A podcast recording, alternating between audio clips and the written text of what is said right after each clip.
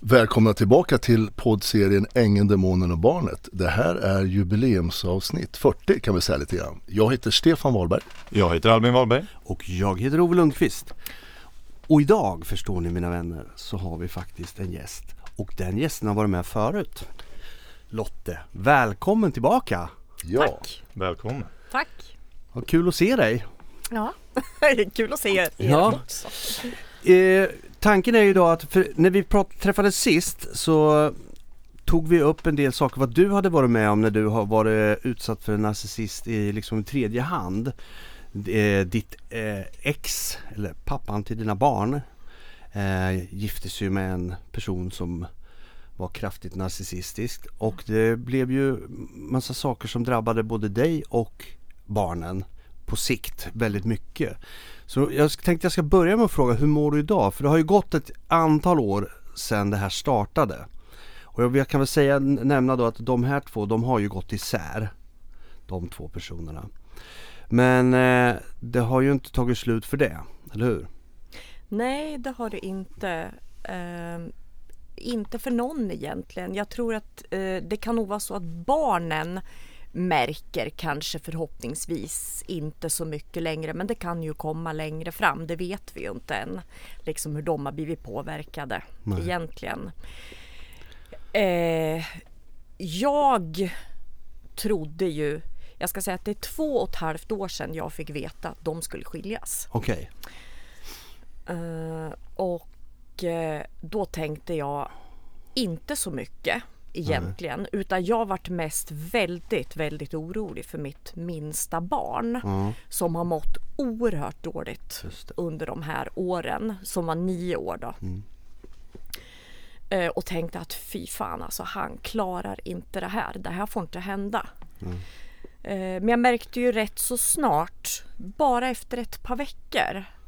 Eh, ska jag ta det här som jag pratade med dig om Ja. förut Ove. Att, eh, kommer han hem en dag från skolan.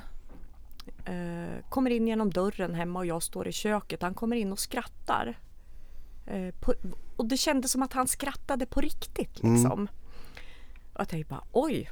Eh, jag frågar inte vad det är utan bara, det var ju kul att se honom skratta. Glad. Ja. Glad ja, på riktigt. Han har, ja alltså på riktigt. Ja, jo, jag, jag fattar. Eh, och jag tänkte att det här var ju lite konstigt men inte så mycket mer på det. Men det här fortsatte. Det eskalerade väldigt snabbt att han vart en helt annan person. Och då har ju han mått oerhört dåligt i nio år. Jag kan komma in mer på det sen, Ja. liksom vad, vad som har varit och sådär. Ehm, Men du fick ju, du reagerar ju på det här också så att du har ju, du har ju mått ganska, lite dåligt kan man säga, men det har du ju också. För, för det blev ju en reaktion på dig också. mm. Och jag trodde... Var det mest för att du var orolig för honom eller? Som eh, du mådde sämre eller? precis just då när han plötsligt vart en helt annan unge, då vart jag ju väldigt orolig på riktigt. Ja, jag förstår. Eh, men sen fortsatte ju det här och det hände ingenting. Och då tänkte jag bara, åh äntligen liksom. Nu kommer allting att bli bättre, det kommer lugna ner sig.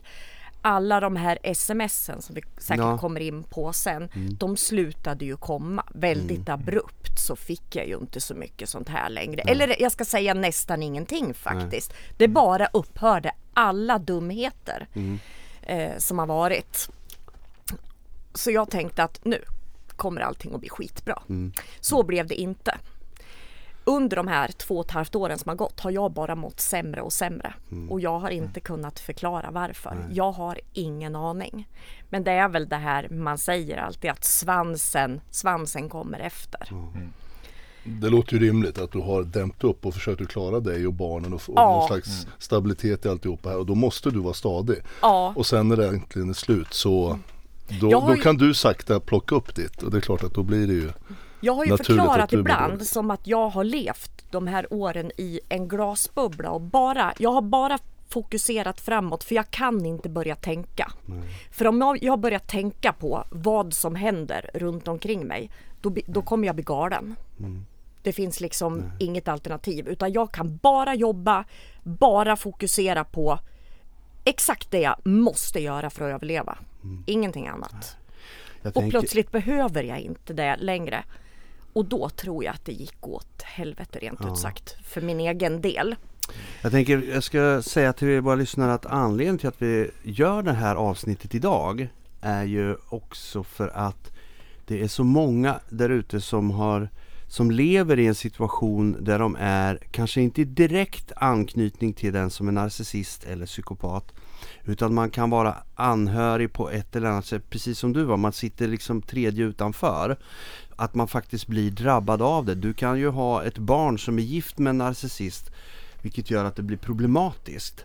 Och vi kommer komma in på mer under det här avsnittet om hur saker byggs upp och att man som du i det här fallet har försökt att påtala för, för honom att det här är inte okej. Mm. Men det går liksom över huvudet för man kan, det är svårt att förklara för någon som sitter i klorna på en narcissist att de verkligen gör det för de tror inte på det. För de är så liksom inbäddade i lugner och manipulationer. Så. Jag tänkte vi kan väl börja så här. Det här började ju då för ni två separerade ju då, men du kan väl börja egentligen hur de två, hur ni träffades, för du var ju faktiskt med när de träffades första gången. Ja. Eh, För det är ju starten på alltihopa det här. Precis. Eh, och det, en väldigt eh, god vän till mig hade sin 40-årsfest. Eh, och där var ju den här människan för att hon är ju alltså barndomsvän till min, min kompis då. Mm. Så hon var ju där och vi kommer in i huset, in i hallen, en väldigt stor hall. Eh, och där står den här människan. Inget konstigt med det, för det var Nej. inte bara hon utan det var en, en tjej till liksom. Och när jag tog, hon hälsade och när jag tog i hand så bara jag kan ju inte svara på det här, det är ju jättekonstigt. Men jag tänker bara att det är något fel på den här människan. Det här kommer jag aldrig kunna svara på varför. Jag har tänkt på det i alla år. Jag tror att det kan vara så att det var någonting med kroppsspråket och det hon sa, det, det passar inte ihop på något sätt. Det är det jag kan komma kan på in men i övrigt vet jag kort inte med riktigt. energier och vibrationer och sånt där, Ja. för sånt kan man också känna av. Precis och då tänkte jag, nej men gud jag är, ju jag är ju inte klok tänkte jag. Det här kan jag ju inte säga till någon. Men det gick ju bara en halvtimme, tre kvart, sen sitter vi vid matbordet. Och mitt emot mig sitter ju eh, mina barns pappa då. då. Och bredvid honom sitter hon.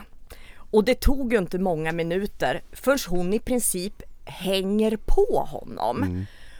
Och där sitter jag mitt emot och så ska jag försöka äta och konversera med dem bredvid mig och inte börja skratta heller. För det här var ju så patetiskt liksom så jag hade ju behövt en skämskudde. Och tänkte att jag kan ju inte låtsas om det här för jag hoppas att ingen ser. Alltså det var så pinsamt så jag tänkte att bara alla andra är blinda och inte förstår någonting. Och nu i efterhand eh, så vet jag ju att det här var ju inte ens konstigt därför att narcissister, de kan ju inte läsa av rummet. Nej. Så att de gör ju så otroligt pinsamma saker, inte helt sällan. För att de förstår helt enkelt, de kan inte läsa av omgivningen. Det här är inte lämpligt i den här miljön och i det här sällskapet. Det ser jättekonstigt ut. Det Men- där med diskretion, det finns inte. Nej, nej, nej det finns inte. Men som sagt, det här har ju jag, det är såna här ögonblick som jag aldrig kommer att glömma. Det, här, det kommer ju fler såna här saker liksom. Eh, men det är en sån här typisk sak för en narcissist som man kan tänka på. Att de, de kan inte läsa av omgivningen. Eh, det var så det började. Eh, jag tror att det kan ha varit ett par veckor senare, jag kan inte exakt säga i tid. Då står jag hemma i köket där vi bodde. När han säger, ja hon den här med namnet, eh, hon var ju trevlig. Och jag känner hur jag blir helt ställd först och tänker, vem pratar han ens om? Innan den här hundradels sekunden har gått och bara, just ja, det var ju den där människan. Okej, nu kan jag ju inte säga till honom att, men du måste väl ändå ha märkt att hon inte var riktigt klok. Det kan jag ju inte säga utan jag säger ju, jaha, ja, ja, jo men det kanske hon var liksom. Samtidigt som jag bara, hur kom han på det? Eh, det visade sig ju sen, det kom ju jag på allt eftersom tiden gick och jag förstod ju, man känner ju, mm. det är någonting som är väldigt konstigt på gång här. Mm. Det är någonting som är fel i hela det här huset. Eh, det visade sig ju sen att ja men han hade varit på hockeymatch med sitt jobb. Det hade han ju inte varit. Han hade varit på bortamatch han. Han hade varit på bortamatch, ja precis. Ja men det var ju mycket såna här grejer som bara, nej men alltså att åka dit, det var ju jättekonstigt på något sätt. Men ja, jag tänkte ja, det var väl okej. Okay. Mm. Fast samtidigt bara, nej, det är nog skumt här. I vilket fall, det var ju så det började. Så att jag, redan där kände jag att den här människan är det något fel på. Men jag hade ju aldrig någonsin innan han berättade efter att de hade skilt sig, när han hade fått reda på att hon är narcissist. Jag hade aldrig tänkt tanken. Nej. Jag hade bara tänkt tanken att hon inte är riktigt klok, för mm. det, det visste jag ju, det märkte jag ju. För det som kommer att hända sen det är ju att de gifter sig och jag ska faktiskt till saken säga att jag fotograferade deras bröllop. Mm. För jag känner ju er två mm. sen långt tillbaka. Mm.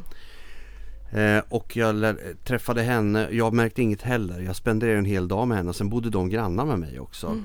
Så det var väl egentligen inte eh, jag, jag hade ingen, ingenting att säga om det förrän du vid ett tillfälle, för det började ju med, ni hade ju mycket sms-konversation på grund av barnen. För det, ni mm. är ju föräldrar också så ni måste ju kunna kommunicera om hur man gör med barnen.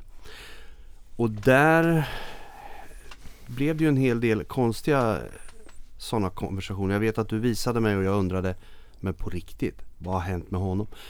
För han, enligt mig, en helt korrekt, normal, trevlig, sund, frisk, klok människa. Mm. Så såg jag honom. När jag sen fick se och höra de här konversationerna och du berättade delar av det så kände jag bara att nu är det någonting som är helt åt skogen. Det stämmer ingenstans. Du får gärna... Ja, nej och, nej, och det, det här märkte ju jag väldigt, väldigt fort. Jag vet att du, Stefan, har sagt att det har kommit väldigt smygande under väldigt lång tid. Visst har jag uppfattat det rätt? Ja, i min relation till Eva menar du? Mm, ja. Precis. Ja, men det var ju kanske, det kanske det är din ja, Ja. pappan till dina barn. Också för honom kom det smygande för hon var säkert jättetrevlig till honom. För honom ja, ja precis. För Men liksom för mig kom det inte smygande. Nej. Utan väldigt snabbt upptäckte jag ett väldigt konstigt beteende hos honom. Han ringde, kunde ju ringa mig till exempel när jag visste, barnen var hos mig, jag visste att han var på väg hem från eh, Gävle där hon bodde. eh, och ringer mig nästan alltid på vägen hem och beter sig som en idiot. Mm. Och jag kom på efter bara några veckor att bara, du, varför beter du dig så här illa mm. när du har varit där och ringer till mig? Och det blånekar han ju naturligtvis till. Mm. Om han själv inte märkte av det eller om det var, det kan jag ju inte svara på. Nej. Han kanske inte själv tänkte ens på att han var som helt personlighetsförändrad. Eh, men när det hade gått ett par tre dagar och han hade varit hemma då var han ju normalt trevlig igen mm. i telefonen. Så jag märkte det jättesnabbt. Jag märkte också, det var ba, hade bara gått, det var på samma sommar vet jag. Mm. När han börj, till exempel kommer hem till mig och säger att ja, du är så jävla patetisk som håller på och lägger ut dig på nätet. Ja just ja. Och du vet att innan jag förstod vad sa människan? Jag fattade inte vad han menade. Nej. På riktigt förstod jag inte. Så bara, Va, vad menar du liksom? Ja, du håller på och lägger ut dig på nätet. Och paniken när jag bara, vem har bilder på vad och har lagt ut någonstans som jag inte har en aning om? Jag fattar ju ingenting. Tills det har gått några dagar. För jag sa bara att du har ju inte Facebook själv så att du kan ju inte liksom, du kan ju inte ha sett något där. Du har ju inte Instagram, du har ju inga sociala medier. Vad är det du pratar om? Eh, då kom det ju fram att det kunde han ju inte svara på för han hade ju inte sett någonting själv utan det var ju någon som hade berättat det här för Undrar honom. är han pratar om. Och då undrar ju jag, vem är den här någon? Äh, det vägrar han ju tala om. Vilket fick till följd att jag började ju rensa på min Facebook. Alla jag kunde, alla hans kompis, gemensamma vänner, det var bara bort. Block bort på allt liksom. Eller rättare sagt, det gjorde jag inte utan jag bara blockade så att de inte kunde se liksom. Mm. Det visade sig så småningom att jag hade en profilbild med en urringad klänning. Det var det det handlade om. Eh, såna där saker kom. och Fick det du reda kom på vart det kom ifrån då? nej, Vart han fick information? Nej, det, Det är väl nej. inte så svårt att räkna ut. Nej jag Nej. tänker på hur Alltså, hon... man behöver hon, inte det vara idiot för det. hon Det jag är det. Jag- tror. Får jag bara ha en liten kan man ju se spekulation? har Profilbild, vänner eller? det var precis, det var det man reagerade mot. Hon har ju sett det, sagt till honom Vad är det hon håller på med och späker sig och veker ut sig och håller på Ja, och det är inte säkert att hon har visat bilden heller utan hon har bara sagt det. Möjligtvis att hon har gjort det men det är inte så troligt utan det är bara verbalt. nej jag. men jag frågade ju vad det var för bild men det hade han ju ingen aning om. Nej, det är därför jag inte tror att han har själv. sett det. Nej, precis. Nej. Men jag tror att hon har byggt upp en, eh, en grej. Och eftersom det här eskalerade så fort, liksom, de här dumheterna, det finns ju massor med mer grejer. Så började ju jag, jag vart ju livrädd för jag tänkte ju bara att han har blivit sjuk, han har fått en hjärntumör. Så jag började ju fråga ungarna om de, ja pappa har han ofta ont i huvudet eller liksom, jag försökte liksom snoka. Nej, nej, det vet jag inte, säger ju de. Eh, Men när det hade gått ett tag till då förstod jag ju, det eskalerar inte. Det är inte en hjärntumör. Då tänkte jag bara att det här är, han är, det är en personlighetsförändring. Han har fått en psykos, han har blivit galen helt enkelt. Sen förstod jag att så är det nog inte heller. Nej, för jag vet ju då när, när det, första gången du berättade det här för mig, för det, jag kommer ihåg vad det handlade om, det var ju den här hockeyhjälmen. Ja. Vi kan ju ta det som ett exempel och bara hur eh, det här blir alltså, när du berättade det för mig, som du, du får berätta hela den här grejen, men när du berättade det för mig så kände jag bara det här är inte den personen jag känner som skulle ha sagt så här. Nej. Eller gör, agera så här överhuvudtaget. Nej. Det var helt, alltså det var på andra sidan planhalvan. Ja, och det var ju därför jag trodde att han hade blivit sjuk på riktigt alltså. Eh, för det här är ju en fullt normaluppfostrad, trevlig människa. Finns ju inga konstigheter. Nej. Och han är ju så långt ifrån narcissist man kan bli. Ja. Så honom är det inget fel på. Jag säger han är nog, eh, han är nog mer en stor empat. Eh, mycket. Tre, snäll, trevlig och empatisk. Eh, och kan då bli så fullständigt, nu när vi har facit i hand så ser vi att han har ju speglat henne fullständigt. Det är det det handlar om. Det är ju han som har betett sig som en galen narcissist fast han inte är en själv. Sån makt kan de ju ha. Och om han har märkt det själv, jag kan inte svara på det än idag fast vi har pratat och försökt reda ut det här. Vad var det liksom som, vad hände med dig? Han kan inte riktigt förklara. Jag tror att det där kommer ta lite tid och jag tror att Mm. han behöver ha Han skulle behöva lyssna på det här som vi pratar om nu också. Ja, Eh, jag ska att- säga han får gärna lyssna. Ja. Jag ska säga så här också att jag har ju försökt fråga honom om massor med saker Mm. och talat om att jag kommer att berätta det här offentligt och gå ut. Mm. Liksom. Och det har jag fått tillstånd att göra. Och sen hoppas jag nu att jag inte säger något som, ja, men då Ja, får han nej, skälla ja. på mig i efterhand i Ja. sådana fall. Men jag tänker på, vi kan ju ta det här som ett exempel hur tokigt det kan bli med det här. eh, För det var ju så här att han hade köpt en hockeyhjälm. Och Ja. Vi ska väl bara flika in att då var den lilla 10 år. Eh, ja, det var 2015, nej nio år var han Nio faktiskt. till och med. Nio år var han. Ja, Ehm, ha det i åtanke till vad det är som är som är köpt ja. kan man väl säga. den lilla den lilla, det lilla och det stora barnet heter de ju här nu. Den lilla han har spelat hockey sedan han var rätt så liten. Eh, och målvakt. Och när han var nio år behövde han en ny målvaktshjälm. Så att jag får bara ett sms då eh, att jag har köpt en ny målvaktshjälm till honom så att eh, du kan swisha mig 3 500, ungefär 3 500 var det. Jag kommer inte ihåg den exakta summan. En dyr hjälm kan man säga. Ja, den var dyr. Oh ja, den var snygg. Ja. Jag tycker fortfarande än idag att det är den snyggaste hjälmen han någonsin har haft. Ja. Men det tycker inte ungen själv. Ehm, eh, och jag svarar helt enkelt bara att det går inte för jag har inte 3 500. Jag har alltså inte så många kronor på kontot för till saken hör att jag pluggade då. Alla pengar jag hade hade jag fördelat per månad för att vi skulle kunna bo och köpa mat. Så jag hade ingenting utöver det. Liksom. Du hade inga studielån heller? Nej, inga studielån. Det är lite det som är grejen. Det kan man tycka vad man vill om men det är ett val att inte ta mer studielån. Jag pluggar rätt mycket i mitt liv.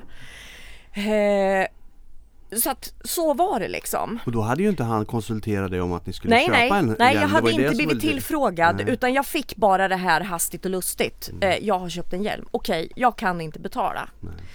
Och efter en del konversation då så kommer ju slutklämmen att eh, nej, du tänker bara på dig själv och du skiter ju fullständigt i dina barn. Vilket har upprepats som ett mantra under de här nio åren att jag skiter i mina barn. Det är ju också vad han har eh, präntat in i mina barn. Så att de har ju trott det. Inte nu när de är lite större tror jag, men när de var små. Eh, och då får jag bara till svar att ja, jag förstår att du skiter i honom. Eh, för om han eh, ramlar och slår huvudet och blir en grön sak, det kommer ju inte du bry dig om. Ett Och väldigt... då svarar ju jag bara att det var ju inte det jag sa, utan jag sa att jag inte har 3 500. Det finns liksom, man kan inte, man kan inte bemöta sådana saker för det finns liksom ingenting. Men det här, såna den här typen av konversationer har ju fortgått hela tiden. De har varit så konstiga så att det går inte att bemöta, det är jätteunderligt.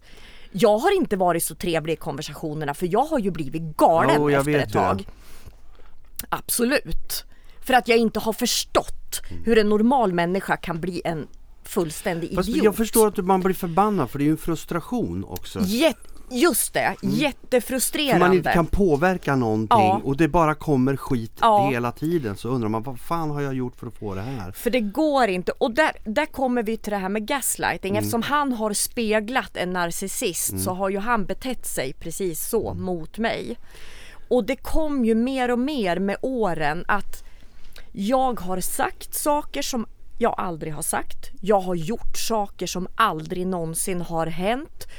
Och det är ju då jag börjar att inte veta om jag är tokig eller inte. Där var ju du inne på en grej förra gången du var här, det här att bli, hjärnan blir kidnappad. Ja. Som jag tyckte Ja. var väldigt bra sätt att säga det på, uttrycka det på. För att till slut börjar man ju, man tror inte på sig själv till slut. Nej. Mm. Och det är det här som är faran med den här med gaslightning. För att man får höra det om och om igen, till slut börjar man ju ifrågasätta sig själv Ja. och sin egen sanity. Och det liksom. gjorde ju jag. För jag höll ju på till, till slut, alltså jag jag höll på att bli så galen så jag kände bara, jag överlever inte det här. Jag orkar inte överleva det här.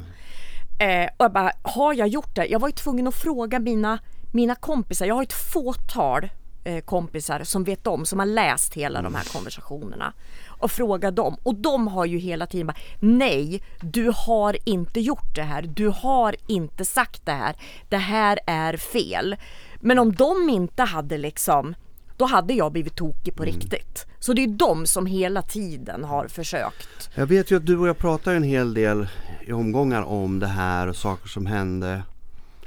Och jag var också som du väldigt förbryllad över hans sätt att uttryckas på. För jag, jag hörde direkt att det var inte han. Det är inte hans ord. Exakt. Någon la orden i munnen på honom. Exakt, så här uttrycker sig inte Nej. han. Han har inte de här fullständigt galna sätten att bete sig. Det är inte han.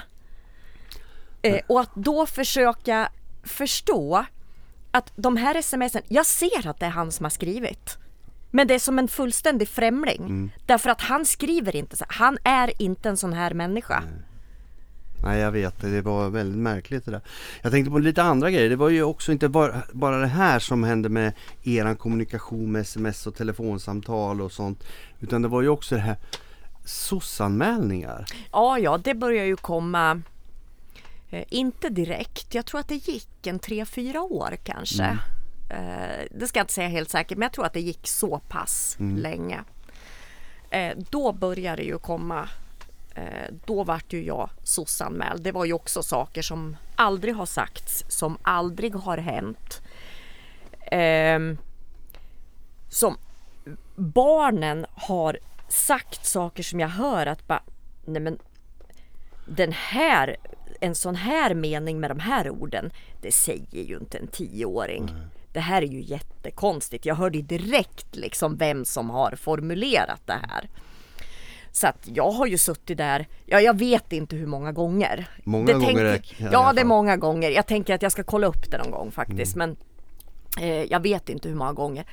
Jag jobbade i Stockholm då. Eh, får ta ledigt från jobbet varenda gång. Det är ju inte bara att åka hem 20 mil och tillbaka 20 Nej. mil. Det gör man inte utan man tar ledigt från jobbet. Det här påverkar ju en hel del. Och det gick så långt så att eh, sista gången då var det en eh, kompis till mig som hon har koll på precis allt det här som har hänt. Hon följde med och slog näven i bordet och bara det här är fullständigt orimligt. Det ser ni väl ändå själva. Och då sitter det, det här är ju också en grej som jag vet när jag har läst jag är med i ett gäng grupper på Facebook för folk som har råkat ut för såna här konstigheter. De berättar ju exakt samma sak. Där sitter de, eh, de har barn de liksom, och det sitter två 25-åringar på andra sidan skrivbordet och ser ut som holkar och ska berätta liksom hur saker ligger till. Bara, det, det är så fullständigt horribelt liksom. Eh, men hon eh, talade om ett och annat och sen efter det så har jag aldrig fått något mer brev. Om det beror på att det inte finns några anmälningar eller inte, det vet inte jag. Nej. Ska jag säga. Men det där är ju sådär, det har vi ju, som du Stefan, det här med anmälningar. Eh, Det Ja, sociala, precis. du, det är ju polisanmälningar på dig som var, under en period var det ju ganska frekvent. Det kan man säga. Ja, men jag, Och de gör ju bara- en grej av att göra anmälningar. Ja, det här är ju alla som har råkat ut för, råkat ut för såna här människor. Det är ju exakt samma sak. Alla blir ju polisanmälda och SOS-anmälda. Konstant, hela tiden. Man kommer aldrig ur det liksom. Och i det här fallet med dig Stefan så det var ju inte bara räckte inte med dig för dina barn blev indragna. ja för fan, nej men de, det, finns inga, liksom, det finns inga gränser. Eva Stark som jag pratar om i min podd och det är ju Men ni barn kände ju, vi umgicks ju familjärt väldigt mycket dessutom. Ja, ja vi var ju, hade ju en jättenära relation under ganska lång tid. Och ansåg dem ner som väldigt, ja men rätt så nära vänner. Vi var ju, ja, men, som jag sagt, typ, firar ju högtider och allt möjligt. Men det, de drar sig inte för att anmäla då min dotter för helt påhittade saker som om man nu skulle, någon skulle bemöda sig med att undersöka och reda ut och ser de att det här är ju, det finns ju inte en tillstymmelse till sanning. Men de gör det för ett syfte, för de vill skapa det här kaoset bara. Och de använder liksom de här lagliga medlen. Det är ju bra att vi har ett system där vi kan anmäla saker som faktiskt händer som är vidriga. Absolut. Människor blir utsatta. Men de använder det här systemet för de vet att det, liksom, det skapar kaos. Och det är så lätt att lägga in, till och med anonyma anmälningar ibland också. Det skapar, kan ju också skapa ett helvete för många av er som lyssnar med. Som har varit med och få en, an, en anonym anmälan om man är dålig förälder och man har gjort någonting påstått. Det kan ju bli världens Och det här Bravader. reds ju oftast ut. Jag tänker att jag, jag vet, jag vet fall. Eh, jag får inte berätta om dem. Det har jag lovat. Jag vet fall eh, där SOS inte har trott på, de har gått helt på, för vi, det vet vi ju alla som sitter att narcissister finns ju inga som är så övertygande Nej. som dem. Du kan ju aldrig få rätt mot en narcissist. Nej, I, inte i början och det, om Nej. du får det överhuvudtaget så tar Ja. det ju lång, lång tid för de är vansinnigt övertygande. Spelar ingen roll hur du gör, du kan inte få rätt. Ehm, och det här är ju också liksom ja, hur, som, som i mitt fall då, hur jag än gjorde Du var ju väldigt så ensam gjorde här. Eh, Nå, någonstans ändå. Ja, Eller ja hur? men det Visst är hade du man vänner ju. som kunde ibland göra en sån här punktinsats men man blir väldigt men ensam de i kan det. ju inte hjälpa mig. Jag Nej. har ju en av mina äldsta vänner eh, i Stockholm. Hon har ju varit så förbannad under många år så hon är bara Kan jag inte få ringa till honom? Jag känner ju honom. Det är någonting som är fel. Jag måste kunna prata med honom. Mm. Men av allt jag har hört i telefon och på mina sms, jag bara du kommer inte komma någonstans. Jag lovar dig, hur välformulerad du än är, för det är hon. Eh, du kommer ingenstans. Han är galen. Eh, så det går inte liksom. Eh, men, men det bara ett sånt här skitlöjligt exempel när man tänker på det idag. Eh, bara, ja, jag, om du inte talar om i tid. Eh, jag skulle tala om långt innan om jag skulle göra någonting. Eh, jag vet, jo, jag kan ta ett konkret exempel för att det ska bli lättare. Eh, varje år har jag och barnen och min kusin och hennes barn varit på Liseberg när de var lite mindre. Eh, varje år, typ runt skolavslutningen. Och då sa jag, sista gången vi skulle åka dit, jag tror att det kan vara en tre, tre år sedan kanske. För det var, jag tror att det var sommaren innan de skilde sig. Eh, då sa jag till långt i förväg att bara, om vi åker till Liseberg så måste det bli den här helgen. Kan vi lösa det? För det var inte min barnhelg nämligen. Nej. Kan vi lösa det? Ja, ja, ja, jo men det kan man väl fixa liksom. Mm. Jag säger till en gång till. Eh, nu, nu har vi bestämt liksom att vi, det fixar sig, vi åker den helgen. Och det här var ju ett antal veckor i förväg ändå. När det var en vecka innan så hör ju jag av mig bara Ja, kom ihåg att vi ska till Liseberg. Eller jag tror att han skrev någonting. Att de skulle göra något. Jag bara, nej men det är ju den här helgen vi ska till Liseberg liksom. Så det går ju inte. Ja, nej men vi har, nu har vi redan bestämt att vi ska åka och fiska i Vad heter den där jävla älven där uppe? Ja, Dalälven, kanske. Ja. Eh, och jag bara, mhm. Men nu har ju jag sagt till flera gånger att vi ska åka den här helgen. Hur kommer det sig att du bestämmer att ni ska åka och fiska den helgen? Den lilla ungen, han skulle nämligen aldrig säga nej till att åka och fiska. Och det vet de ju om. Att det är bara att säga att vi ska åka och fiska, då kommer han att följa med. Ehm, och bara, du kan ju inte säga till så långt i förväg. Hur ska jag komma ihåg det? Men Men, men använd för fan en almanacka som alla andra människor gör liksom. Och säger jag till tre dagar innan, då är då är jag helt jävla sjuk i huvudet. För det måste jag ju fatta att det, det är liksom, jag, jag kan aldrig göra någonting i tid. Ja men du vet, ni fattar ju hela grejen. Så hur man än gör kan man aldrig göra rätt. Nej. Ja, men alltså det där är ju också för att visa makt. Eh, Det är också för att Oh ja. eh, ställa till en massa. För det är ju det de är duktiga på, att ställa till. Ja, och det här är ju enbart för att ställa till. För det är ju inte första gången.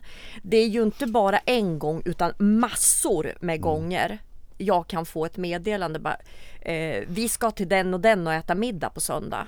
Jaha, fast det är ju min barnhelg. Då bestämmer man alltid sånt på mina helger.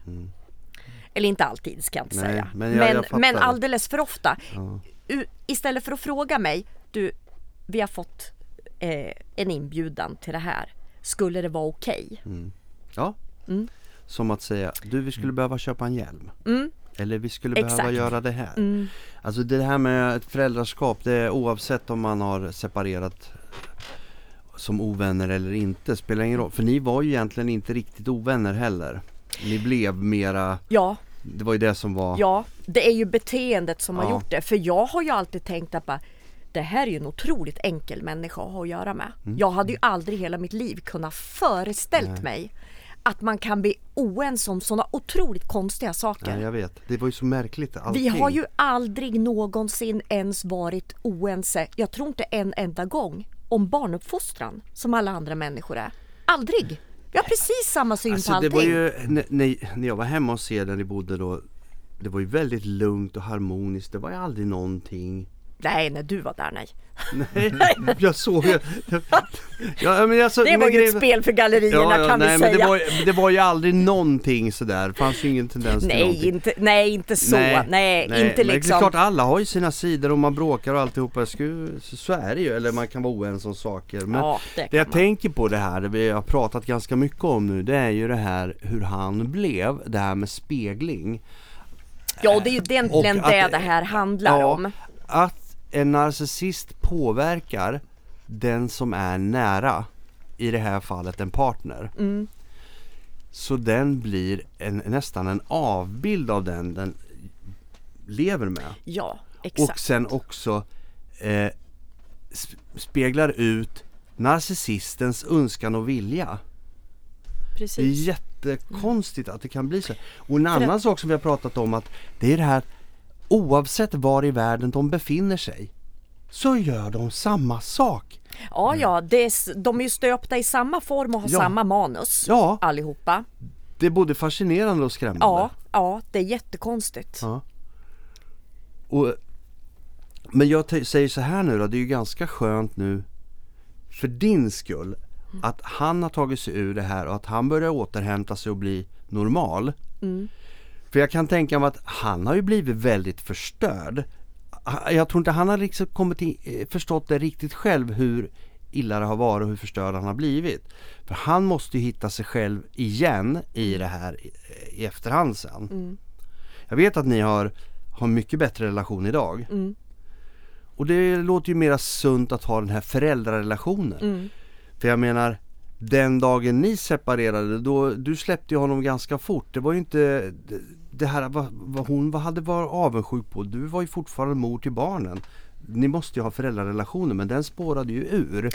Ja, och det här, eh, han har ju berättat väldigt mycket konstiga saker för mig nu i efterhand. Liksom.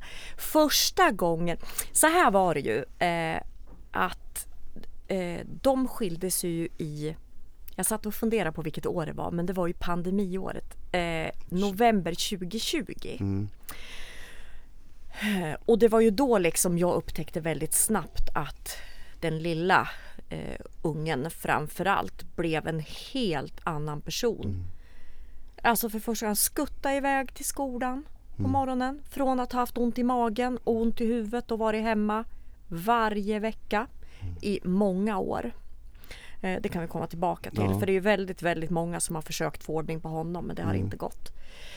Eh, till att jag upptäcker väldigt omgående att jag får ju inte de här meddelandena längre. Och bara det var ju liksom Jag böt telefon, jag böt sms-signal, jag försökte liksom göra så mycket jag kunde för att allting bara skulle försvinna.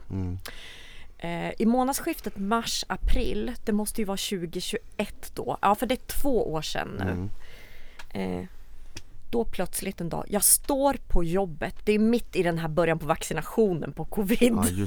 Och jag vaccinerar ju varenda dag som en galning liksom. Eh, står hemma hos en patient och telefonen ringer. Och jag ser på telefonen att det är han. Mm. Och jag känner bara, fan inte nu, jag måste ut härifrån. Vad fan är det nu?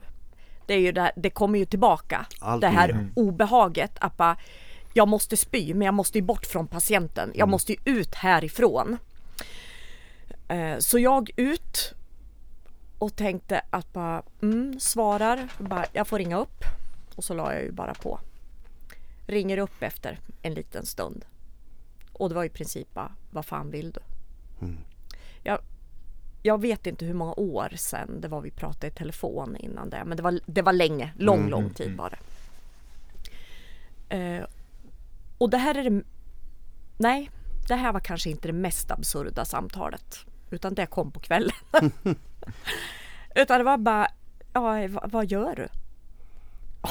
Eh, jag, eh, jag är på jobbet. Ja, hur är det då? Jag tänkte bara, vad i helvete har han slagit huvudet i? Ja. Men så pratade en stund liksom och så han bara, jag skulle vilja berätta en sak för dig. Ehm, är det okej om vi hörs ikväll?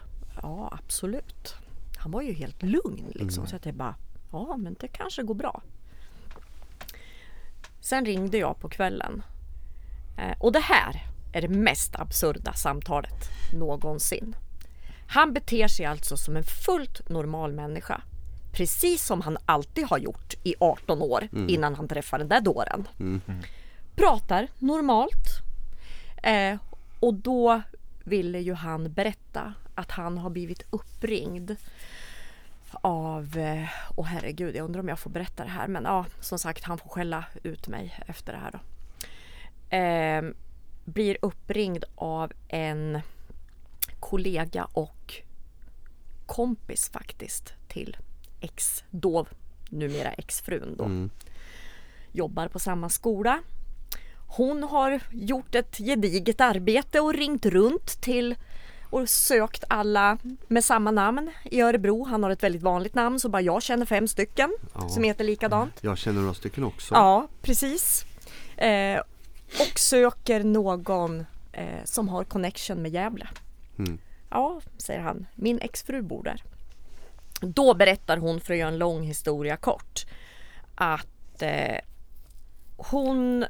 Eh, ja, jag tänkte att jag behöver bara berätta liksom att sen i augusti, det här var ju, de skildes i november, sen i augusti så har hon eh, träffat hennes man då. då. Mm.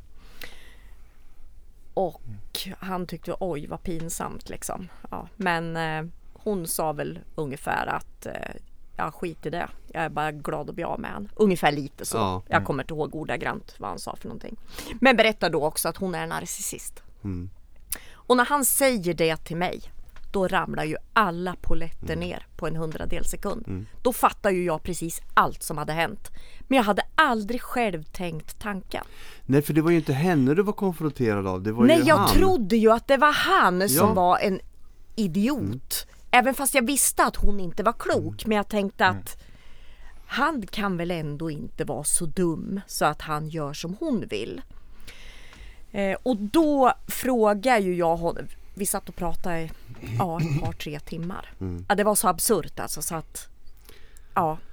Och jag frågar ju honom någonstans i det här samtalet eh, om liksom har, har du aldrig, har du inte märkt någonting på alla de här åren? Det här är ju jätteallvarligt liksom. Har du inte märkt? Nej, jag har inte märkt någonting. Jag bara, fast det kan ju inte vara rimligt. Nej, men han, han hävdade ju då bestämt att han har inte märkt någonting. Men Sen har vi ju pratat med lite jämna mellanrum om det här. Jag har frågat mer och mer grejer och så. Och före jul här någon gång tror jag att det var eh, så ringde jag och frågade massa grejer igen. Och då frågar ju jag om jag frågar dig nu så här ett halvår senare eller rättare sagt väldigt långt senare är det ju. Märkte du verkligen ingenting? Jo, nu har han ju förstått att det är naturligtvis inte friskt med en människa som kräver att få ha lösenord till ens telefon och dator och ska kolla ens mail och sms-konversationer och såna här grejer. Det är en sån här klassiker. Eh, och då var på jobbet, men, men det här är ju, det är ju jättesjukt. Det måste du väl ha förstått? Nej, men han, han var väl liksom så insyltad i det där. Så bara, jag, jag tänkte väl mer bara att ja, det gör väl inte mig och jag har ju inget hemligt där om hon mår bra av att titta på det. Jag bara, fast det är ju inte normalt liksom. Och sen frågar ju jag, det tror jag till och med att jag gjorde redan vid det här första samtalet. Bara det är ingen som har sagt till dig att eh, det är någonting som är fel på henne. Nej, han hävdar att ingen har sagt någonting. Eh, det kan ju vara som ni sa för en stund sedan att det kanske är folk som har försökt men han har inte tagit till sig. Men då säger han bara att nej, det är bara du. Och som sagt, jag är ju fel person. Jag är ju den värsta personen i deras liv. Jag tänker så här, varför han vet att det är just du är ju för att du kanske har gjort det flest gånger. Jag kanske har gjort det väldigt tydligt också. Ja. För jag har ju sagt att eh, hon är ju inte frisk i huvudet och du beter dig som en idiot. Ja, Vi, vi pratade ju igenom lite vad vi skulle prata om idag här innan och då tog jag upp det att alltså det kan ju ha gjort med, hon hade ju sett till att du hade blivit fienden i det här dramat och det kan ju ha haft att göra med att han har varit så inne på henne och hans vänner har varit för måna om att hålla sig väl med honom. Mm. Och inte, inte lägga, eh, säga det som det är liksom, Mm. att hon är helt galen. Eh, eller så har de ännu inte fattat för att han alltid har talat Ja. gott om henne och inte sett hennes baksida liksom. Men du som är fienden inom situationstecken här har ju inte haft något behov av att hålla dig väl med honom På det sättet, du, du har ju haft, varit väldigt mån om att vara ärlig och Mm. kunna uttrycka det rakt liksom. Och naturligtvis så är det ju jag som får allt skit för det är ju enklast liksom att kasta all skit på mig. Ja, ja. Och det har han ju också berättat så här i efterhand att eh, jag har fått svar, jag har kunnat skriva och frågat någonting. Va, Och det är ju inte så att jag smsar för att chitchatta med honom. Det var ju Nej. fullständigt ointressant. Utan det har ju varit något om ungarna, om någon typ träningstid som ska passa, whatever liksom kan det ju vara. Och jag får svar som, bara, nej men alltså på riktigt. Bara hur aggressiv får man bli? Ehm, och då har ju han förklarat nu i efterhand att så fort han fick ett sms av mig så vart ju hon galen. Jag vet ju inte om, det har jag faktiskt inte frågat, om hon har begärt att få kolla vem han har fått av. Det, det vet jag inte. Nej. Men han har förklarat det som att hon vart helt jävla tokig och då frågar jag, men, men har inte hon någon nå kontakt med sina barns pappa? Hon har ju tre barn liksom. Jo, jo, sa han, men det var inte samma sak. Och sen ha, sa jag, har ju han sagt att va, hon var så fruktansvärt avundsjuk och svartsjuk på dig och barnen. Så att det var ju därför liksom han hade ett helvete. När jag dessutom plötsligt skickar ett meddelande mitt i någonting.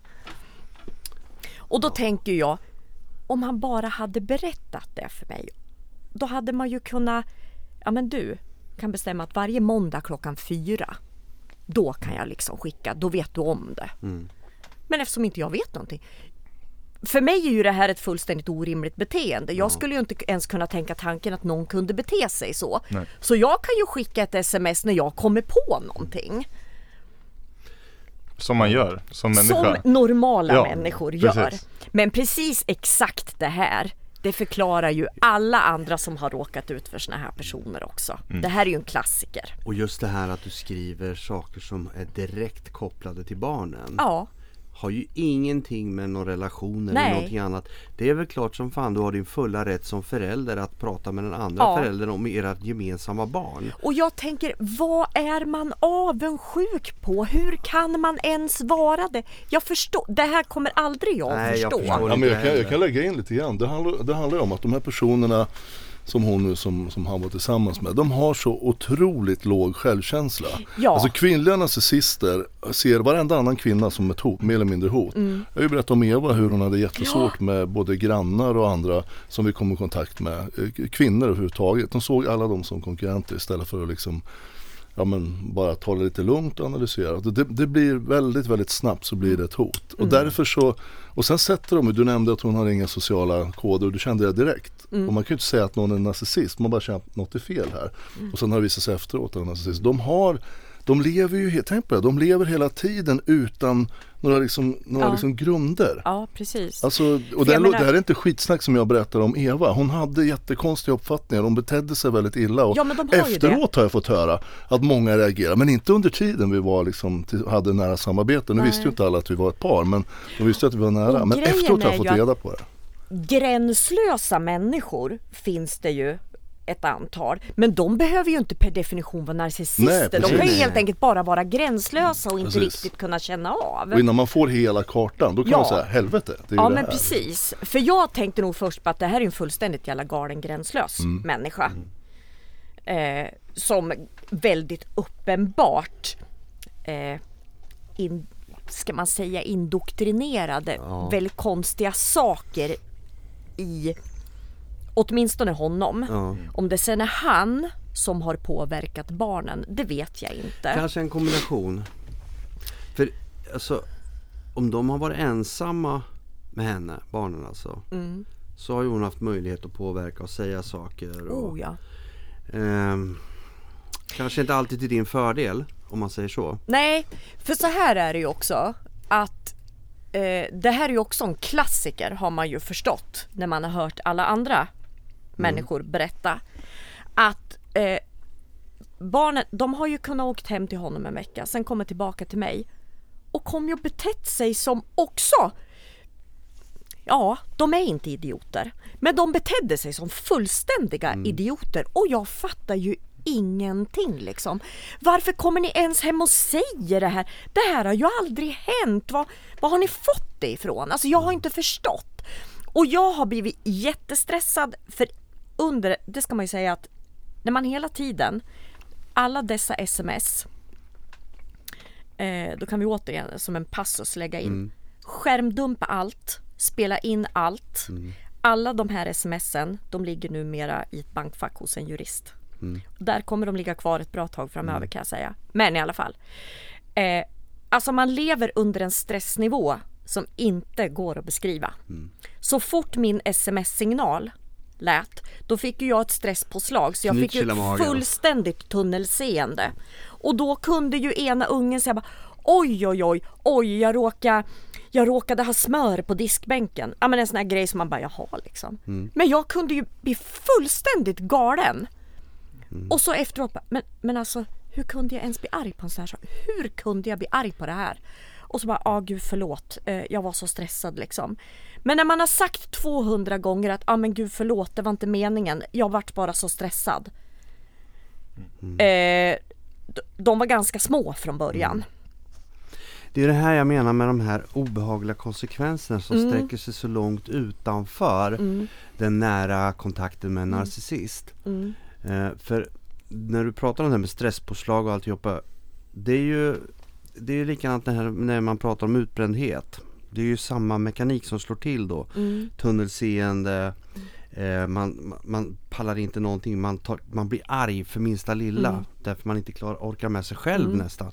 Och när du säger det här med ringsignal, alltså sms-signal. Jag har ju erfarenhet av utbrändhet för jag har gått in i väggen ordentligt. Och det vet ju du för Mm. Ja. du var ju med under de här perioderna. Och där var det, så fort telefonen ringde så knöt det sig hela kroppen. Jag kunde inte prata med folk. Jag isolerade mig för jag, jag orkar inte prata med folk. Jag, det låste sig i huvudet. Ja, precis. Och det är det. jättesvårt att förklara det för jag, jag kan ju relatera det här för det är Mm. exakt samma saker som slår till. Och hur förklarar du det här för ett barn?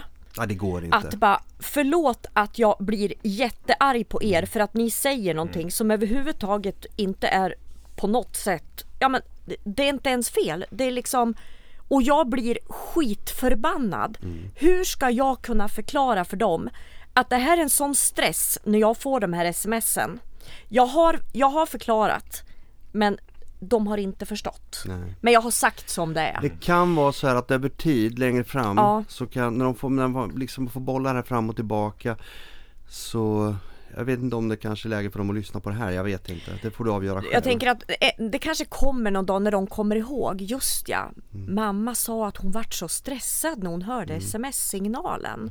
Ja, Men kanske. de kanske, nu förstår de, om de får höra det här eller lite mera så kanske de förstår varför. Mm. För att det här är, de ska komma ihåg att det här hade ju pågått under ganska lång tid era sms-konversationer. Eftersom ni inte pratar Mm. med varann så var ju sms-signalen, den var ju per definition nästan på slutet att det kom från honom. Det blir ju en signal. Oh ja. Ja. Och så, jag vet det här du berättade för mig om det här telefonsamtalet när du mådde illa. Ja, Det var ju också så här, jag förstår. Mm. För det blir ju en reaktion. och grejen är att då har de kommit hem, de säger någonting, eh, jag hör den här signalen, jag blir skitförbannad, de blir jätteledsna, bara vi åker tillbaka hem till pappa. Eh, och jag kan inte göra så mycket åt det. Det är tyvärr för nära, det är bara att ta cykeln och åka. Det är väldigt nära.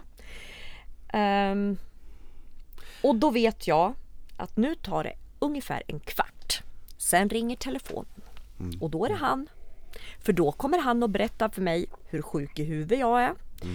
Hur jävla dum i huvudet jag är som gör så här mot mina barn. Eh, jag har ju försökt förklara för honom också att du kan inte skicka så här till mig. Jag mår så dåligt så att jag vet inte ens vad jag ska ta vägen. Fast det skiter ju han i. Det är ju, då, skicka, då gör man ju bara det ännu mer. Ja, ja. Eh, så det är ju Men vid många tillfällen har ju jag plötsligt hört att barnen börjar prata bredvid honom. Då sitter han i telefon bredvid dem och talar om för mig hur otroligt fel jag gör. Som skäller. Hur kan jag säga så här till mina barn? Hur kan jag göra så här? Bara för att de ska höra då bredvid hur fel jag gör hela tiden. Och det gäller inte bara här utan det har varit många saker. Och det här är också sånt där så här skulle ju han aldrig bete sig. Det, det, här, här är ju inte är han- hans beteende. Han har japat efter ett beteende från henne därför att det här bygger i att framställa sig själv som den bättre. Ja, exakt. Och framförallt för dem då. Ja, jag menar det. Och det här är ju också, tro, nu, nu spekulerar jag eh, en del. Det här är en del i det här som de har hållit på att jobba för i alla år. Att han ska ta med sig ungarna och flytta till Gävle. Han, förnekar, han förnekar det. Att det har aldrig varit aktuellt. Men eh, man har ju ibland gemensamma vänner som den andra kanske inte riktigt vet om att man har. Som har frågat mig varför han eh, tittar på skolor åt eh, barnen i Gävle. Eh, Sådana här saker kan ju råka komma fram när man inte är uppmärksam liksom, på vem man pratar med. Eh, så det, har, det här tror jag har varit en strategi. Jag är inte säker på att det har varit en medveten strategi från honom. Det vet inte jag. Eh, det kan vara något för Åh, här om eh, Shit, när fasen var det här? Det är några år sedan. Var det innan skilsmässan? Oh ja, Ja. oh ja. Det var ju ett par år minst innan. Säg Jag och... 18, 19, 18, Nej, det var nog fan tidigare. 17 kanske? Kan till och med vara, ja, 17, 16, mm, typ. Eh, har jag och det minsta barnet varit på Öland. Mm.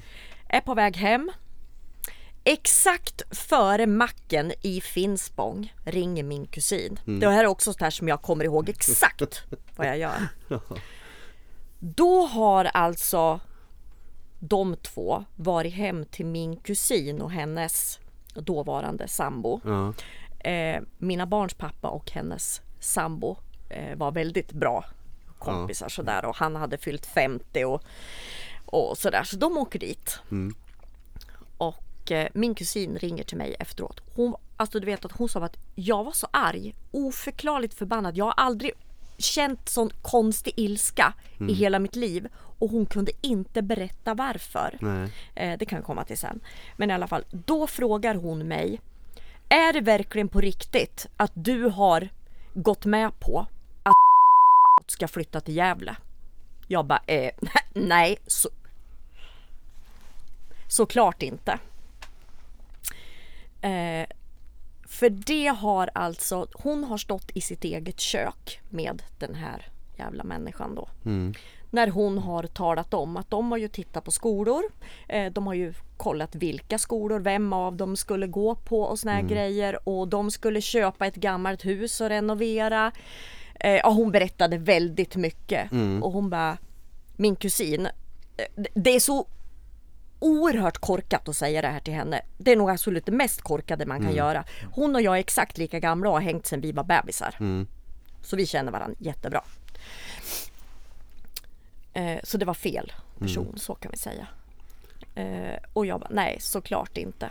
Jag frågar ju den äldsta då. Bara, har pappa och ni varit och kollat på skolor i Gävle? För att ni ska kunna flytta dit. Och han stirrar ju på mig som om jag är fullständigt galen. Bara, jag ska inte flytta! Jag har mitt lag här! Mhm. Det fattade ju jag också. De har gått ovanför huvudet på dem. Ja, ja, ja. Eh, jag frågar alltså pappan, för då vart jag ju förbannad, då ringde jag ju faktiskt upp. Och han blånekar. Det fattar du lika bra som jag, att jag kan inte flytta någonstans. Och jag vart ju helt förvirrad, jag fattar ju ingenting. Det visade ju sen, sig sen i efterhand att han hade ju inte varit med riktigt i den här diskussionen. Det var hon som hade pratat. Ja. Men min kusin sa att han sa heller inte nej och protesterade mot någonting hon sa. Han sa Den inte som emot tiger han samtycker finns ett gammalt Exakt, uttryck. så är det ju.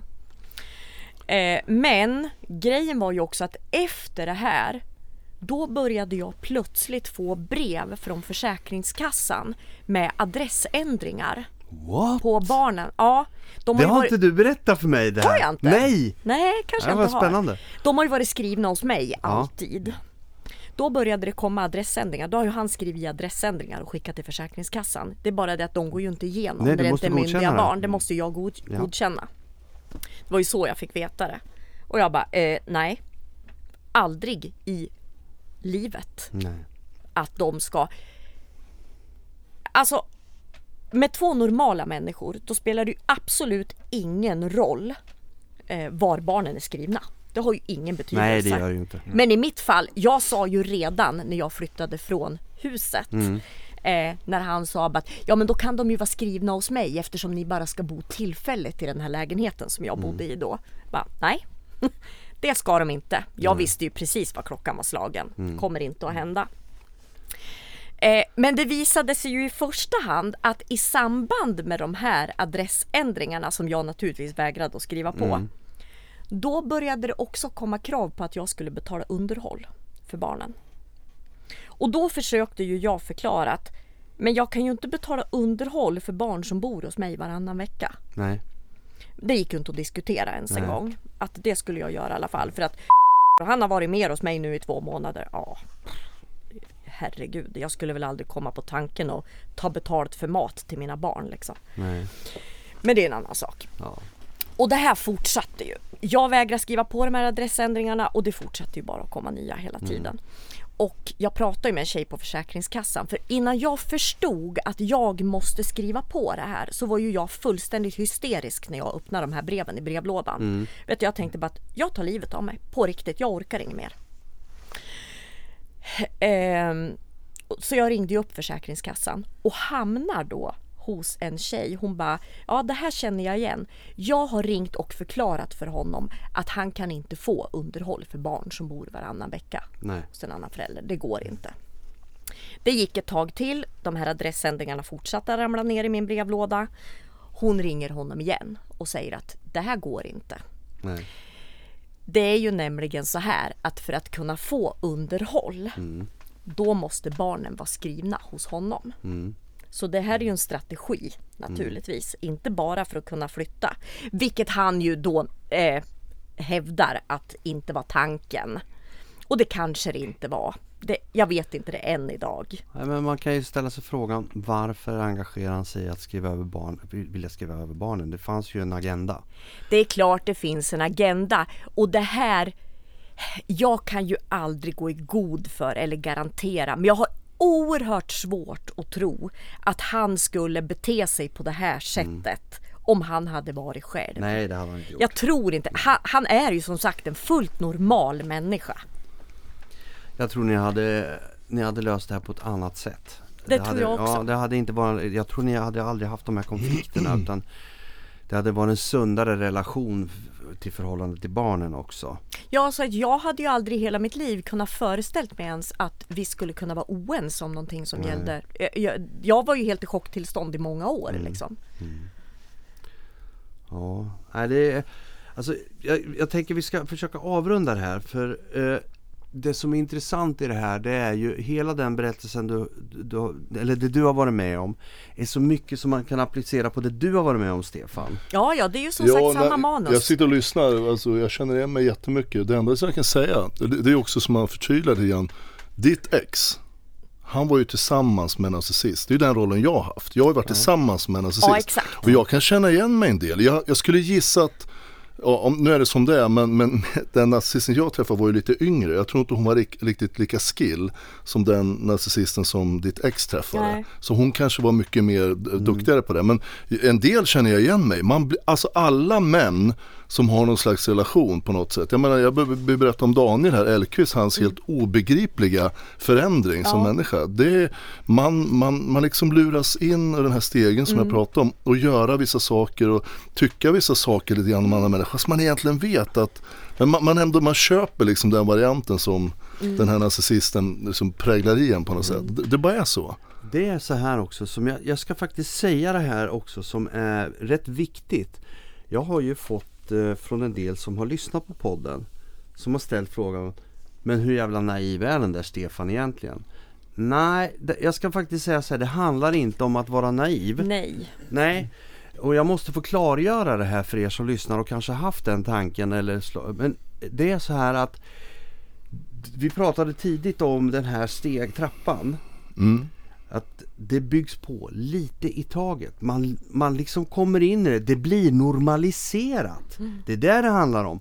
Allting blir normaliserat och till slut har man följt med på den här jävla resan och sen är man insyltad i någon idiot.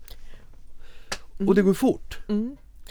Och det har jag funderat mycket på. Jag tänker så här att för, för honom kanske det smög sig på och vart Ja. normaliserat. För mig gjorde det Nej inte för du, du det. fick ju det pang i ansiktet. så. Pang i ansiktet ja, precis. Eh, åh, vad var det jag skulle komma fram till nu då? Jo att det tog tid för honom att... Eh, ja, och jag, jag funderar mycket på om det har gjort att jag inte har tvingats leva med den här galningen utan jag har bara fått eh, fragment hela tiden. Att det är det som har gjort att jag ändå på något sätt har behållit förståndet och inte blivit fullständigt som han har blivit. Han har ju levt med den här galenskapen. Det har ju inte jag gjort och därför det är nog därför också vi hela tiden har krockat. Jag har ju aldrig gått med på saker, jag har ju sagt emot, jag har liksom för jag har inte förstått hur galen liksom Du, du har ju inte sett den här trappen, du har fått med så här steg 15 direkt ja, eller och 20 jag har bara bam, hela vad fan är det tiden här? gått liksom till motangrepp. Det skulle jag ju kanske inte ha gjort om jag hade levt i det här dygnet runt. Men det har jag Om ju ni inte hade gjort. varit väninnor och bott nära. Tänk, Ja. om det, tänk om det hade varit den situationen. Ja men precis. Då hade ju du blivit lika smittad som honom. De Ja. där pestsmittorna vi pratar om också. Ja. Det tror jag också. Ja. Att jag har klarat mig bara på grund av att jag inte har levt. För jag skulle kunna säga att eh, han, ditt ex då, han är, ju, han är ju inte naiv på det sättet. Nej. Eh, jag skulle inte påstå att han är lättlurad heller på något sätt. Nej. Utan D- han, Däremot han är, väldigt han är ytterst normalt rätt skärpt ändå. Mm. Men ändå är det här så att ni är ju två stycken män som har liksom snärjts in i det här. Så att det här att tro att man är toknaiv och alltihopa det här. Visst, man kan göra konstiga saker på vägen och alltihopa det här. Men man dras med i det här av någon anledning. Mm. Och för din del så blev det ju värre när Bill kom in i bilden. Ja precis. Det Då eskalerar. eskalerar Ja, det men för det här var ju en skicklig, han är ju superskicklig i sitt narcissistiska stuk. Men liksom. han har ju psykopatiska Absolut, drag. Och absolut. det skulle jag påstå att den här människan har också. Mm. Utan att, na, ingen diagnostisering här. Nej, utan jag ser psykopatiska drag. Mm. Eh, men det är ju inget jag på något sätt. Mm. Det, är- det är bara vad jag tycker efter vad jag har råkat ut för. Ja, men, men det är liksom du pratar om, jag, jag sitter och lyssnar på det därför att jag, det blir som sagt en hel del igenkännande men de här ringarna på vattnet brukar man prata om och hur mycket det sprider sig. Hon spelar ju din man och mm. Linda den honom och det funkar så här. Jag kan intyga att det gör så. Han vart bostad något så in i helvete emellanåt. Han var den underbaraste mannen hon någonsin har haft. Han Fast var det den har jag ju sagt. men alltså- oh ja, det ja, har han alltså, berättat ja, ja, för mig ja. förstår du. Han har gjort det? Ja, ja, ja. ja men du för ser. jag var ju, jag är ju inte så trevlig. Alltså när jag blir förbannad så är jag väldigt, väldigt otrevlig. Det kan jag Eh, och det intyga. tycker han också. Så det är liksom inget, ingen behov hemlighet. för det ibland så det är inget Han har ju till exempel sagt att jag är ett helvete att leva med. I och för sig när han hade träffat henne men ja, det tyckte, det tyckte han säkert på riktigt. ja. Ja. så kan det vara. Men... Fan nu tappar jag bort Nej, mig nej men det är för vi, vi, pratar om, eh, ja precis. Han blir Eh, boostad. Precis, Ja, han blir alltså han boostad, blir boostad något så in i helvete och det berättat för dig. och då så, ja. frågar ju jag, jag bara och vad fan, vad fan har du fått av henne? Vad- Hur gick det här till egentligen? Jag bara, nu jävlar berättar du vad du har gjort, du berättar vad du har varit, du berättar. Ja det gjorde han, han vågar väl inget annat. eh, så exakt det här. Ja. Bara, ja, åh, han fick så mycket bekräftelse. Han fick, oj oj oj, Han var det Hon mest ju fantastiska. Ja, nej men alltså och han har ju man är berättat det. för Man- en man- av det är mina så. kompisar att hon är ju det mest fantastiska han någonsin har träffat. Och det raljerar ju hon om idag och vi skrattar ju Ja. det, det, taskigt på hans bekostnad. Men alltså, Nej, men alltså, Vi och- och- skrattar ju åt och det jag, jag kan verkligen bekräfta att det är så. Ja. Och, och har man inte upplevt det förut, vilket han heller säkert inte på det sättet Nej hade för gjort. jag är ju inte För- för det här är ju en så jag har ju inte Jo, nej men alltså det här är ju en imitation av någon slags drömbild av någon perfekt partner som du är liksom det vackraste, Och du är det just- sexigaste, du är det Ja. coolaste, det manligaste som finns. Ja. Och det är så här kvinnliga narcissister drar in dig. Exakt. Och Och, det och, du här- Mm. vet när dopaminet slår till där på mannen, man blir ju, man blir ju pantad Och det här kan vi återupprepa. De avläser ju exakt vad de behöver säga och göra. Det har vi upprepat Mm. Ja. massor med gånger sen också. när man har fått den några gånger så, så kan Ja. ju de skjuta in lite och det här Oj, tycker jag, oj, oj. och man gör tjänster åt dem Mm. hela tiden och det är det han har gjort. Och, och sen du vet kvinna som är, jag menar du ser normalt bra ut och sådär eller om man uttrycker mig lite objektivt här men, och du, du ett hot direkt. Alltså du är mamma till barnen här och han har säkert sagt några bra saker om dig i början, du blir ett hot. Och då Eh. använder hon honom till att, till att ge sig på dig Mm. och du fattar ju inte vad som pågår nästan för han beter sig så jävla konstigt. Och det här som sagt har han ju till och med bekräftat nu i efterhand berättat hur hon har betett sig och att han, ja fått gud det finns ju liksom jättemycket vi inte har pratat Ja. om liksom. Men han har ju också sagt att han märker ju helt plötsligt efter en tid att men gud jag har ju knappt någon kontakt med min syrra och de är ju jätte liksom jättebra så här. Eh, och bara, fan jag märkte ju att jag, jag, vi kunde ju inte åka hem till mina föräldrar längre. Alltså han tappade alla vänner, all, det är ju det här typiska. Man blir avskärmad från omvärlden. Så han råkar ju och det tänker jag också, men gud han är ju fan är fullt, hur kan han ens? Men vem som helst så gott som kan råka ut för det här. Ja men det är faktiskt det vi så. vill säga. Och sen har man nog, jag tror att kanske gemensamt mellan oss, jag har en jag litar fortfarande på folk för att det är ett sätt jag har valt att leva. Det Ja. betyder inte att jag, ja men jag tror på alla. Jag väljer att göra det. Ibland kan du inte säga säkert men alltså man kan lita på varandra och liksom, det, måste man kunna göra. Det är ett schysst sätt att leva liksom. Och, och då när man tar in någon mer och mer och mer, man litar på den här personen och då när man får all den här andra boosten att man är ju liksom, det här Och jag- är nyckeln. Jag liksom. har ju tänkt alltså, och jag kan säga att det har ju mina kompisar varit helt storögda också. Eh, jag har tänkt på att alltså, om man hade råkat ut för något sånt här som honom, vet man skulle ju bara håll dig på långt avstånd. Man skulle ju aldrig gå i närheten av någon. Jag gör ju inte det till exempel. Men han, han har ju alltså en ny tjej och har haft sedan lång tid. Hon är, jag tänkte ju bara, jag var otroligt misstänksam bara. En enda jävla grej jag upptäcker här nu. Då kan jag säga att då blir det en anmälan och sen ryker barnen därifrån. Men jag kan säga att hon är fullt normal. Det, kan, ju- det är rätt Fullt skönt. normal. Ja. Och det märker man. På, precis som jag märkte att den andra var en galning. Så märkte jag att den här bara, det här är en fullt normal människa. Jättetrevlig. Eh, Och det Inga måste ju märkas på han också för, det, så, för Oh, den ja. relationen ni har. För det är ju en sund sak att om man startar om ett nytt liv, man har barn med någon annan. Att om, om jag då som eh, skulle, om jag skulle träffa någon annan som Mm. har barn, det är klart jag skulle uppmuntra dem att ha bra kontakt med, sin, med, det, med exet som är far till Ja man barnen. tycker att det är en självklarhet på något Därför sätt. att det blir ju bättre för alla, den här gruppdynamiken blir ju bättre. Ja, ja men eller hur? Vad som händer här, det jag, jag tänkte jag skulle flika in där, vad jag tänker, jag tror att hennes agenda var att få honom att flytta till Gävle och, och få med barnen. Mm. Därför framställer hon sig själv som den bättre och ser dig som ett hot och försöker säga det. Mamma, det är nog fel på henne. Mm. Mamma gör fel saker. Och så, så barnen tror Mm. att det är fel på dig och vilket känns att det är lustfyllt att flytta till Gävle. Mm. Det är i alla fall en, en Det tanke, här- det här har jag tänkt på ganska länge och jag tror inte jag är ute och cyklar, det så tror jag här inte. är det, det, här, det hinner vi inte prata om nu tyvärr. Nej. Alltså mina barn, hur, vad som har hänt med dem Nej. och hur. Eh, det kanske vi kan ta en annan gång. Ja. Eh, för det är ju jätteallvarligt just det här Mm. du kommer in på nu. Det finns ju en anledning till att det lilla barnet har haft ett oerhört konstigt beteende och något så fruktansvärt med ångest och liksom så många psykologer, kuratorer, eh, beteendevetare som har försökt hjälpa honom och alla har kommit fram till samma sak. Det är någonting som är allvarligt fel men vi kommer ingenstans. Nej. Nej, det var inte så konstigt. Nej. Det var inte så konstigt. Felet hade han ju hemma. Nej, Jag, jag, jag kan inte låta bli att se att hela det vi pratade om nyss att han avskärmades från sin familj och från Mm. alla vänner och alla Hade hon fått med honom till Gävle ungarna där, ja men då så. Mm. Då hade det varit Ja. clean slate. Han hade ju varit bara henne så hade inte Ja. haft någon i närheten. Och då kan vi ta det här igen, som den här psykologen som var med här för Ja. några avsnitt sedan. Där jag sa till dig Ja, idag, det.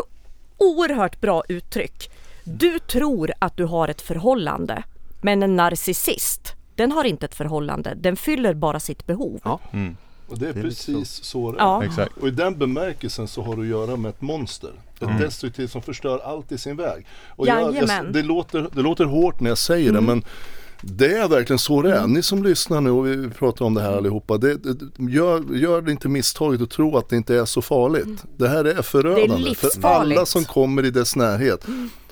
Enda som kan hända det är om den här personen, vilket de aldrig gör, kommer till, liksom, till sans och erkänner allt de har gjort Fast- och, och erkänner sina misstag. Men det finns Nej, inte, för det gör de nej, inte. nej, nej, nej. Så håll er ifrån alla som kommer i vägen och Ja. även, jag menar, Och tro inte, de här människorna, de kostar liv. ja, Ja. Eh, jag kan säga så att det är ren tur att mitt minsta barn lever idag. Hon höll på att kosta honom livet. Så kan jag säga. Ja. Hörni, ska vi ta och avrunda? Jag tycker att eh, vi har kommit, det har varit mycket intressant.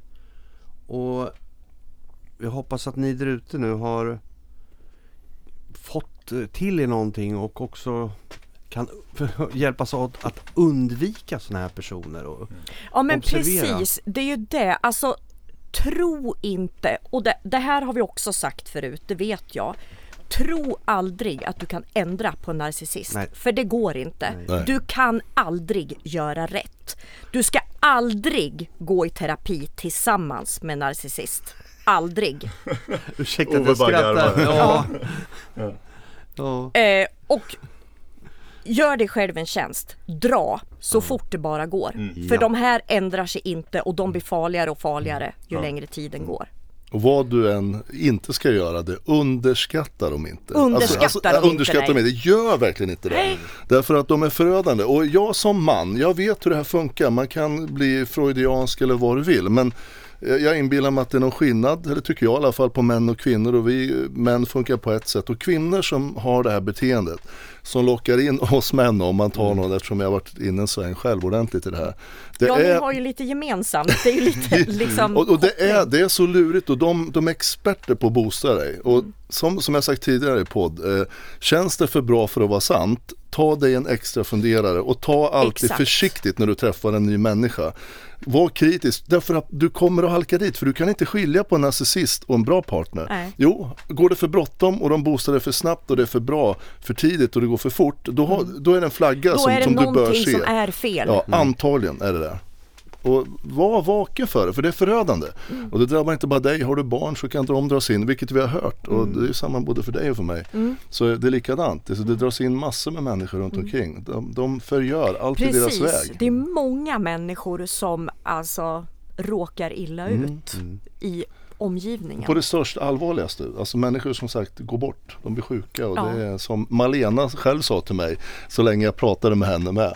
Stefan, alltså du, när jag liksom börjar fatta vad det här är, hon sa ju det som jag redan har sagt. Alltså Stefan, folk blir sjuka, de dör av sånt här. Ja. Du, du, du vet det, eller det måste du förstå. Okej, tänkte jag, men hon har Att helt jag rätt. lever idag, Mm. det är enbart en av mina kompisars förtjänst. Mhm. Hon fick en konstig känsla och kommer uppspringande i trappen där jag bodde i den här lilla lägenheten. Mellan. Mm.